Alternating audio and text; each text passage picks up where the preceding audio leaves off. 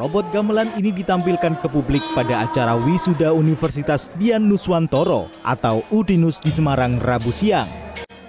Saat prosesi wisuda, robot gamelan memainkan tembang Jawa berjudul Kagok Semarang dan Suwe Ora Jamu. Menurut seorang mahasiswi penyandang tunanetra Udinus yang hobi nyanyi sebagai sinden, robot gamelan tersebut mampu secara tepat memainkan nada gamelan.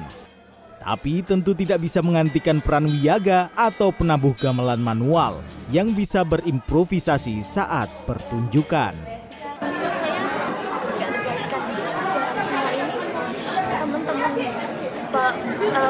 atau pemain gamelan itu bisa lebih berkreasi lagi.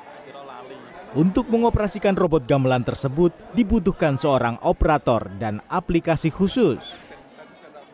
Untuk cara kerjanya itu nanti aplikasinya mengirimkan data anotasi ke dalam uh, robotnya itu sendiri. Sederhananya seperti itu.